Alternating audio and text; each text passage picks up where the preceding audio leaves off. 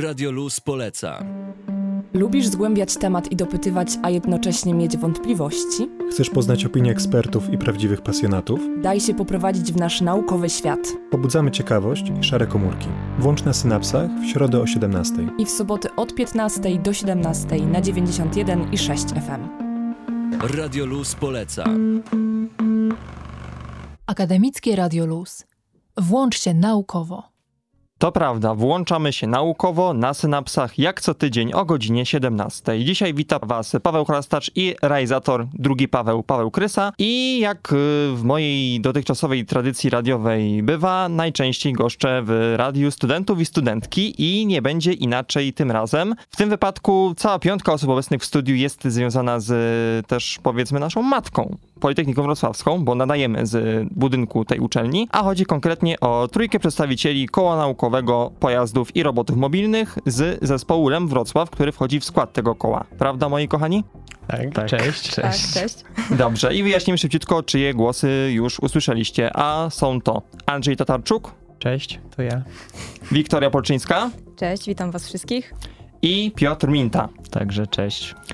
Porozmawiamy sobie dzisiaj na temat elektromobilności, ponieważ jest to grupa, która ma o tym temacie dość sporo do powiedzenia i tworzą oni m.in. projekt elektrycznego motocykla Foton, który już y, zaczął odnosić swoje pierwsze sukcesy na arenie międzynarodowej, o czym dowiecie się w przeciągu najbliższych kilkudziesięciu minut y, i przez to, że to są osoby, które troszeczkę wiedzą o wspomnianej elektromobilności, spytamy się też ich, jak oni widzą przyszłość y, tego źródła zasilania naszych pojazdów, bo jest spora szansa, że już za kilka, kilkanaście lat y, na przykład y, takie osoby jak oni czy inni nasi goście będą do studia przyjeżdżali w taki sposób, ale czy tak na pewno będzie i o kilku innych ciekawostkach dowiecie się jedynie, jeśli zostaniecie z nami przez najbliższą godzinę na 91 i 6 FM. Dzisiaj naukowo dla przypomnienia z Andrzejem Tatarczukiem, Wiktorią Polczyńską i Piotrem Mintą z REM Wrocław. Y, Jesteście osobami, które można powiedzieć robią jedną z ciekawszych inicjatyw na naszej uczelni, a mianowicie wy potraficie usiąść w garażu i coś, co później potraficie ścigać, zbudować. Czy to prawda? Tak, to prawda. Też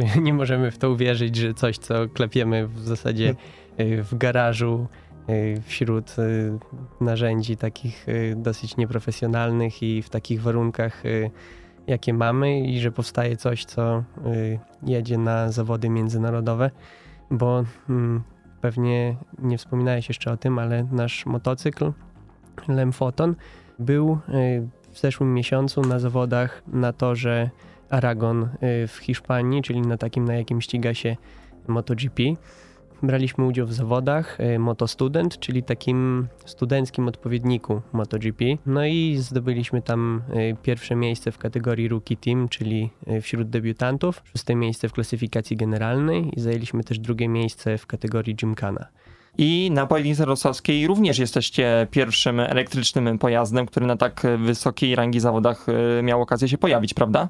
Tak, tak. Wcześniej braliśmy udział w zawodach y, Smart Moto Challenge, które były o trochę mniejszym zasięgu niż y, naszych kolegów z PWR Racing Teamu. No, jednak Formuła Student to zawody znane na całym świecie, a Barcelona Smart Moto Challenge miał mniejszy zasięg. Jednak teraz y, na zawodach Moto Student myślę, że możemy y, z całą pewnością powiedzieć, że y, dorównujemy już poziomem zawodów, w których bierzemy udział naszym kolegom. O technicznych szczegółach działania waszego motocykla powiemy sobie nieco później, a teraz y, może właśnie opiszmy szerzej przebieg takich zawodów. Jak y, studenci jak wy przygotowują się do nich i na czym one polegają? Przede wszystkim musimy y, przygotować całą dokumentację naszego motocykla, bo nie wiem, czy wspomniałem, to jest motocykl wyścigowy, a motocykle wyścigowe przed tym, jak zaczniemy je wykonywać, musimy je zaprojektować pod y, bardzo wieloma względami, między innymi aerodynamiki, y, rozłożenia masy, mechaniki, o czym kolega Piotrek więcej powie. Y, No musimy, mm, musimy zaprojektować napęd elektryczny, co jest jedną z najtrudniejszych części, bo, bo nikt tego przed nami nie robił i nie ma od kogo ściągnąć. Tak, i, i na pewno osobne wejście zupełnie niego poświęcimy. Ale okej, powiedzmy, że w waszym przypadku wiedzieliście, że e, przechodzicie już e, z projektów e, napędzanych silnikami spalinowymi, bo też muszę tutaj wspomnieć, że REM jak najbardziej konstruował pojazdy napędzane najpierw w ten sposób i też odnosiliście sukcesy, ale jednak zmieniacie napęd. I skąd taka decyzja? To znaczy w Lemie y, od zawsze była tak, mm, właśnie, y, Trzeba rozróżnić LEM i koło naukowe pojazdów i robotów mobilnych. LEM to jest właśnie y, taka konkretna odnoga naszego koła naukowego, które zajmuje się przede wszystkim pojazdami elektrycznymi od zawsze. No a całe koło miało różne inne też epizody. Był właśnie taki pojazd mm, autonomiczny, znaczy, że samosterujący się, nazywał się Jurek, ale właśnie ta, ta nasza odnoga, czyli LEM od, y, od samego początku jest właśnie tak, takim po to stworzona, żeby budować y, pojazdy elektryczne. I początkowo zaczynaliśmy od y, skuterów, jakichś tam rowerków, to nawet nie ja, tylko ani moi koledzy i koleżanki, tylko ich poprzednicy i ich poprzedników. Y, I mm, w, miarę jak się rozwijaliśmy, y, to powstawały coraz większe konstrukcje, czyli najpierw rower, później skuter, później motocykl crossowy, no i teraz ścigacz elektryczny. Czyli w sumie robicie się coraz szybsi, to chyba już tylko w jedną stronę będzie to zmierzało. I wracając jeszcze do tych e, zawodów, jak e, to wszystko wyglądało w lipcu? E, W lipcu, no, zaczęliśmy od wyjazdu do Hiszpanii, to było wielkie przedsięwzięcie. Generalnie przyjeżdżamy do Hiszpanii, problemy zaczęły się tak naprawdę od wynajęcia pola namiotowego, gdyż nie mogliśmy się dogadać po hiszpańsku, ale powiedzmy jak już dotarliśmy na tor, to wtedy zaczęło się w miarę z górki. Pierwszy taki sygnał, że naprawdę jest dobrze, jak się udało przejść e, scrutineering, czyli sprawdzenie techniczne pojazdu, czy wszystko się zgadza, czy wszystko jest ok. Jako jedna z pierwszych z drużyn udało nam się go przejść i naprawdę z niewielkimi problemami, także to jest e, pierwszy sukces. Teraz e, przekażę Andrzejowi. Tak, bo ja zapowiedziałem Andrzeja, odezwał się Piotr, no to wracamy do Andrzeja. Znaczy chodzi o to, że ja brałem właśnie mm, jako jeden z dwóch członków naszego koła w, y, udział w tym scrutineringu ze względu na covidowe ograniczenia. Mogły tylko dwie osoby wejść, więc wszedłem ja, czyli lider działu elektrycznego i kolega Kamil Malcherek, lider działu mechanicznego. Komisja y, z z zestawem mierników, narzędzi, miarek y, y, przybiegli, podbiegli do naszego motocykla, y, pomierzyli wszystkie odległości, doszli do wniosku, że przedni błotnik jest o 2 mm za blisko przedniej opony, więc musieliśmy to poprawić, że linka hamulcowa jest zawinięta wokół lagi nie w taki sposób, jak powinna być. Oraz, że mm, pewien przewodzik nie jest podpięty w taki sposób, jaki oni by sobie życzyli. No ale to naprawdę drobnostki, które udało nam się załatwić w około 10-15 minut i y, kiedy już y, to zrobiliśmy, powróciliśmy y, z powrotem. Mm, Wszystkie inne próby, czyli obciążenie tylnej osi, tylnego zawieszenia, ob- obciążenie przedniego zawieszenia y, takimi dosyć dużymi masami, próba y, hamulców, y, spra- szczegółowe sprawdzenie napędu, czy spełnia y, wszystkie punkty regulaminu.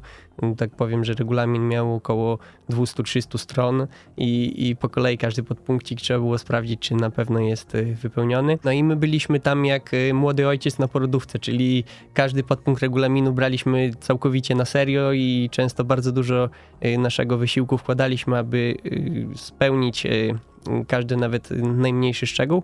Y, Dlatego nie było żadnych problemów, a y, komisja bardzo chwaliła nasz motocykl, że y, jest jednym z najsolidniejszych. Jeszcze nie znali jego osiągów, ale powiedzieli, że jest jednym z najlepszych, jakie dotychczas widzieli i tak samo powiedział kierowca testowy, no bo po scrutineringu, czyli sprawdzeniu mm, mechanicznym y, na stojąco, rozpoczynały się testy dynamiczne, czyli kierowca testowy tam od organizatorów y, brał nasz motocykl na tor i spróbował się przejechać, czy zawieszenie y, dobrze działa, czy hamulce y, zachowują się tak, jak powinny.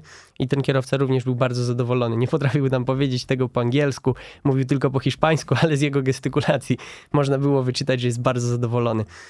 Później y, podczas konkurencji dynamicznych, czyli podczas gymkany, mm, no, takiego slalomu, podczas y, acceleration, czyli próby przyspieszenia y, oraz y, wyścigów już tak mm, na pełnym torze, było właśnie widać, że myślę, że to jest też duża zasługa naszego kierowcy, małego Chrisa, który jest naprawdę mimo młodego wieku świetnym profesjonalistą.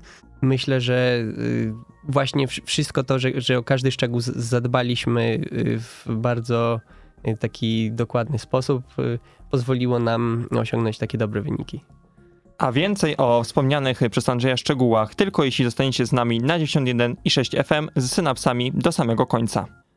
Na synapsach dzisiaj na temat elektromobilności. Wspomnieliśmy przed chwilą, jak e, członkowie zespołu LEM Wrocław e, e, już mieli pierwszą okazję pościgać się ich elektrycznym motocyklem wyścigowym. No to dowiedzmy się teraz, jak cały proces przygotowania się do takiego wydarzenia wyglądał i zacznijmy od podstawowej kwestii. Jakie założenia potrzebował spełnić wasz pojazd, żeby w ogóle móc się ścigać? Ci, którzy je tworzą, musieli mm, dać y, drużynom y, równe szanse, czyli na przykład zastosować takie same elementy mechaniczne. Wszystkie drużyny korzystają z takich samych silników elektrycznych dostarczonych przez organizatora oraz elementów zawieszenia i takiego modułu elektronicznego, który monitoruje rezystancję izolacji. Jeżeli wszystkie drużyny mają to samo, no to wygra ten, który będzie potrafił najlepiej z tego skorzystać. Chcąc jak najlepiej wykorzystać e, nasz silnik, musieliśmy stworzyć model matematyczny e, używając e, Simulinka i MATLABa, czyli tworzymy takie jakby obiekty wirtualne, nadajemy im takie same parametry jak ma silnik, znamy tor, na którym mamy się ścigać, wiemy mniej więcej jakie konkurencje nas czekają, czyli jak największe przyspieszenie musi uzyskiwać, musi przejechać nie pamiętam, chyba około 40 km y, na y, największej prędkości. Powinien uzyskiwać taką i taką prędkość, bo widzieliśmy wyniki z poprzednich lat, to znaczy wyniki mm, drużyn, motocykli innych drużyn z poprzednich lat. No i na tej podstawie, na podstawie tego modelu oszacowaliśmy, jakiego sterownika potrzebujemy, czyli takiego elementu, który z prądu stałego z baterii y, robi prąd y, przemienny silnikowy, bo używamy silników prądu przemiennego, może nie takich jak w Krajzedze u dziadka, ale, ale takich no, dużo bardziej zaawansowanych. No i kolejna rzecz to właśnie pojemność baterii. Baterie nasze składają się z ogniw y, litowo-jonowych cylindrycznych, czyli paluszków. Podobnych używa Tesla, y, tylko oni korzystają z trochę większych rozmiarów. Więc znając parametry ogniw, wiedząc czego potrzebujemy, jesteśmy w stanie wybrać określoną konfigurację baterii, czyli jak duże ma mieć napięcie i jak wysoki prąd powinna móc dostarczyć. Kiedy mamy już y, to, to możemy zabrać się za część mechaniczną i ustawić te elementy pod y, kątem y, środka masy, pod kątem pracy zawieszenia, ale o tym to chyba więcej powie Piotrek. Tak, no teraz przychodzi moment, w którym tak naprawdę zaczynamy od szkicu, od tego, jak mniej więcej chcemy rozmieścić wszystkie elementy, w którym miejscu ma być silnik, sterownik, bateria. E, a także takie rzeczy jak rozstaw kół, e, miejsce, w którym ma się znajdować główka ramy, czy oś wahacza tylnego. E, silnik dość szybko udało nam się umieścić, zdecydowaliśmy, że będzie na dole. Tak samo zdecydowaliśmy o dość wąskim rozstawie kół. To jest niemalże identyczne jak w motocyklach klasy Moto3, co zalet bardzo dużą zwrotność motocykla finalnie. Yy, natomiast tutaj zaczęły się pojawiać później problemy ze zmieszczeniem tych 600 ogniw, które yy, nam elektrycy poprosili, żeby je zmieścić w tym motocyklu. Czy wy wiecie w ogóle, jaki macie zasięg yy, motocykla? Przejechał zawody. W związku z tym. A chcesz się ścigać, czy jechać daleko? Ale w obu przypadkach, może na przykład y, ścigając się, no wie, wiecie ile możecie takich okrążeń na przykład przejechać na takim wielkim torze? Sześć okrążeń plus, plus y, okrążenie rozruchowe i okrążenie zjazdowe na torze Aragon. On z tego co pamiętam ma 5 km. Nieco ponad 5. Tak, czyli... 5,3 km, no to 7 razy 5,3 i teraz nie wiem, bo kalkulator. No to takie niecałe 40 km, ale rozumiem, ale rozumiem, że to jest e, właśnie to, no, można powiedzieć, pod pełnym obciążeniem i jak to się mówi, tutaj z manetką tak. do oporu odkręconą, tak, także dokładnie, dokładnie. To tak a, wygląda. A straty mm, mechaniczne i elektryczne rosną wraz z prędkością i to nie liniowo, a, a jakąś tam z którąś potęgą, czyli chcąc jechać dwa razy szybciej mamy na przykład trzy albo cztery razy więcej strat. Y, gdyby jechać ekonomicznie, czyli na przykład 100-120 km na godzinę, a nie 180, tak jak, tak jak musieliśmy na torze, y, to zasięg byłby, myślę, że o połowę większy. Czyli przy odrobinie prasy może byście na przykład do takich przysłowiowych 100 km mogli dobyć, dobić i taki motocykl w sumie mógłby nawet na co dzień nam posłużyć. No może nie, nie, nie pod kątem komfortu jazdy byłby najlepszym rozwiązaniem, ale zasięg nie byłby chyba najgorszy na co dzień. Tak, szczególnie, że wykorzystaliśmy ogniwa, y, które charakteryzują się małą pojemnością, ale za to bardzo dużą wydajnością prądową, bo chcieliśmy małe ogniwa, które będą mogły bardzo dużo mocy chwilowej dostarczyć, no i to odbywa się kosztem zmniejszonej pojemności. Gdybyśmy wykorzystali ogniwa mm, wysokopojemnościowe, no to zasięg motocykla mógłby się zwiększyć y, nawet dwukrotnie. Czyli może to jest wasz przyszły projekt, bo skoro tak dobrze wam idzie z wyścigówkami, to może zrobicie coś dla nas i kto wie, czy w przyszłości nie kupimy jakiegoś waszego przyszłego projektu, albo chociaż y, korzystającego z waszych y, rozwiązań, bo tak y, wkrótce wspomnę, ja zakładam, że wasze doświadczenia z pewnością pomogą wam w dalszym rozwoju zawodowym i to nie jest tak, że wy to robicie tak troszeczkę bezcelowo, że jak najbardziej przemysł was będzie chciał, tak mówiąc wprost. No tak, tak. To odbywa się nadzieję.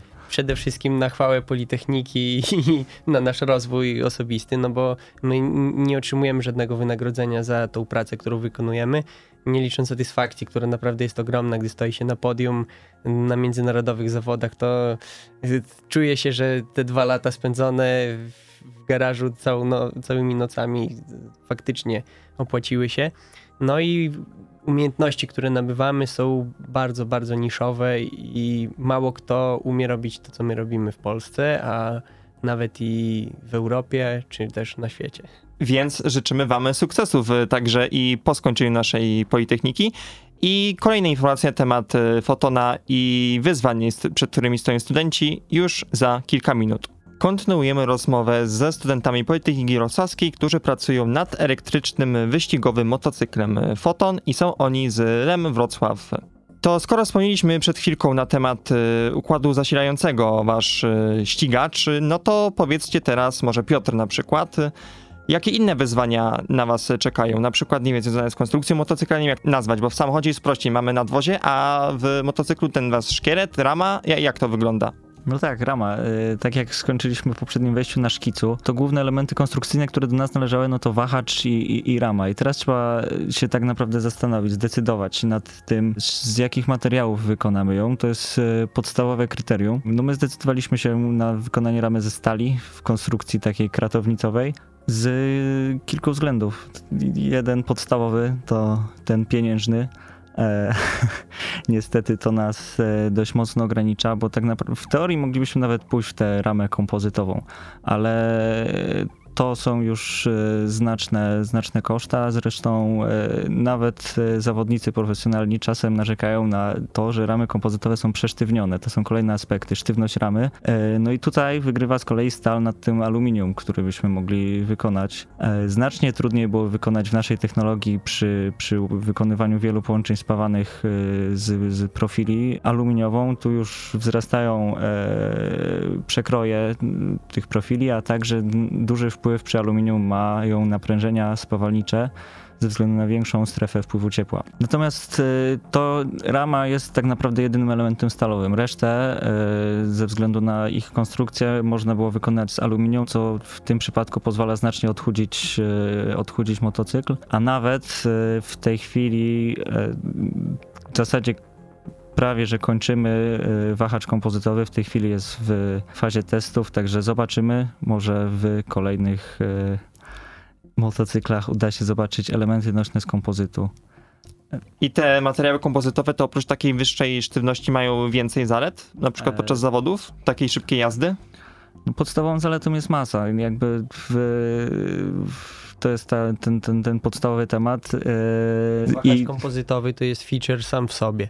Tak. To, że go zrobiłeś, to już jest, to już jest coś. to, że, że, że tak jak Andrzej powiedział, to, to też wygląda po prostu. Widać te elementy kompozytowe, one naprawdę robią wrażenie. Jeszcze jak, e, jak się spojrzy na to, na to włókno węglowe tam ułożone i, i się dowie, że wow, to jest faktycznie, to jest, to jest włókno węglowe to, i to jeździ, to działa, to, to robi wrażenie. No tak, design e, w kwestii szybkości to wygląd, e, a jeśli już jesteśmy przy materiałach kompozytowych, no to, to kolejnym elementem, który musimy zaprojektować są owiewki motocykla, a w tym aerodynamika, czyli także tutaj E, pojawiają się liczne analizy aerodynamiczne, tak żeby ten motocykl no, no był możliwie jak najbardziej opływowy w programach e, do analizy w e, ANSYSie, a także nieunikniona analiza przepływu powietrza w kwestii chłodzenia elementów motocykla, jak e, silnik, bateria, sterownik. Tak, bo to jest trochę niepozorne, ale to jest jak najbardziej kwestia, którą rozwiązuje się już w na przykład samochodach elektrycznych, które mogliśmy dzisiaj minąć na ulicy, że przecież elektryki też trzeba chłodzić. I to dość y, poważnie. No, no tak, i to jest y, dość duże zagadnienie. Tak naprawdę y, my też, no, nie ukrywając, nie jesteśmy tym idealnie. To jest jeden z tematów, który na pewno musimy poprawić w kolejnych projektach, bo to chłodzenie ograniczało nas tak naprawdę i przy prędkości ładowania baterii. Moglibyśmy ją znacznie zwiększyć, gdyby była bardziej rozwinięte chłodzenie, a także przy samych osiągach finalnych na długim dystansie również mieliśmy problemy z, z lekko przegrzewającym się silnikiem. To skoro już y, poruszyliśmy tematy istniejących pojazdów, to spytam się też y, Andrzeja może teraz, y, jak różni się właśnie konstruowanie motocykla elektrycznego od spalinowego? Czy takie na przykład z chłodzeniem, jak już powiedzieliśmy, nie ma większych różnic, w sensie chociaż założenia, to czy w innych kwestiach jest to nieco inaczej? Y, przede wszystkim trzeba y, wziąć pod uwagę, że silnik elektryczny ma zupełnie inną charakterystykę mechaniczną niż y, silnik spalinowy. Czyli jednak tych różnic będzie sporo. Tak, tak. No i takie, żeby jeszcze wspomnieć, co to charakterystyka mechaniczna, y, to jest wartość momentu, którą może rozwinąć silnik przy danej prędkości. Silnik y, elektryczny praktycznie od zera y, jest w stanie rozwinąć maksymalny moment obrotowy, czyli mówiąc kolokwialnie, jak odkręcisz manetkę, to wyrzuci, wyrzuci ci motocykl spod ciebie stronę kolegi, który przed tobą stoi, czego drużyna, y, która również brała udział w zawodach y, naszych, doświadczyła i kierowca takiej pewnej hiszpańskiej drużyny y, siedział przez całe zawody z zabandażowaną nogą, bo właśnie takie coś mu się przytrafiło. Mm, no i poza tym kolejna sprawa to to, że silnik elektryczny jest sterowany przez urządzenie elektroniczne, czyli przez falownik, który, tak jak już wspomniałem, z prądu stałego y, generuje prąd y, przemienny do zasilania silnika, co powoduje, że możemy, jako że to jest urządzenie elektroniczne, no to możemy zaprogramować jego działanie. Czyli taki przykład, jeżeli chcemy pracować w trybie eko, no to klikamy jeden przycisk, i nasz motocykl, nawet gdy odkręcimy manetkę na maksa, y, rozpędza się powoli, tak aby y, przez cały czas pracować y, z jak największą sprawnością. No bo sprawność silnika elektrycznego też zmienia się w zależności zarówno od obrotów, jak i momentu, czyli to jest taki, taki wykres trójwymiarowy i na osi Z mamy właśnie sprawność. No, podobnie zresztą w silniku spalinowym też jest y, różna sprawność w różnym stanie pracy.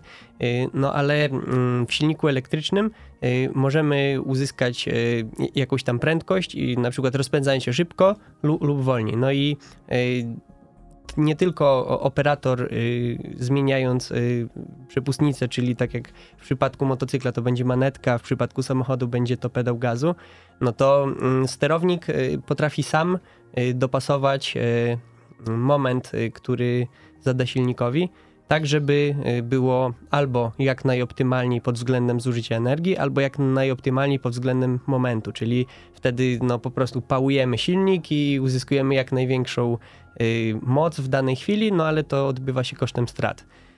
No i jeżeli nie chcemy trybu eco modu, trybu eco, no to wtedy uruchamiamy ten, ten wyższy tryb i mamy właśnie Y, największe możliwe do uzyskania silnika wartości, co no, skraca zasięg, ale zwiększa możliwości osiągów. No też y, daje kolejne inne możliwości.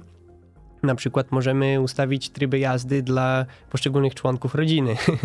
Na przykład jeżeli chcemy wpuścić y, 15-letnie dziecko do prowadzenia pojazdu, powiedzmy, na lotnisku, żeby się przejechał, no to możemy ustawić tak, żeby y, na pewno było bezpieczne, żeby sterownik chronił y, kierowcę przed popełnieniem błędu.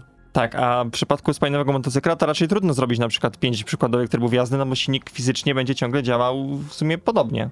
Y, Teoretycznie w tych y, motocyklach wyścigowych, no to tryby jazdy to y, jest, jest coś wprowadzonego, tyle że no, mam wrażenie, że tam y, potrzeba dużo więcej zachodu, y, żeby to stworzyć, bo to trzeba coś dodać, y, żeby to tak działało, no a tutaj to wychodzi samo, no nie? Po prostu samo tak działa.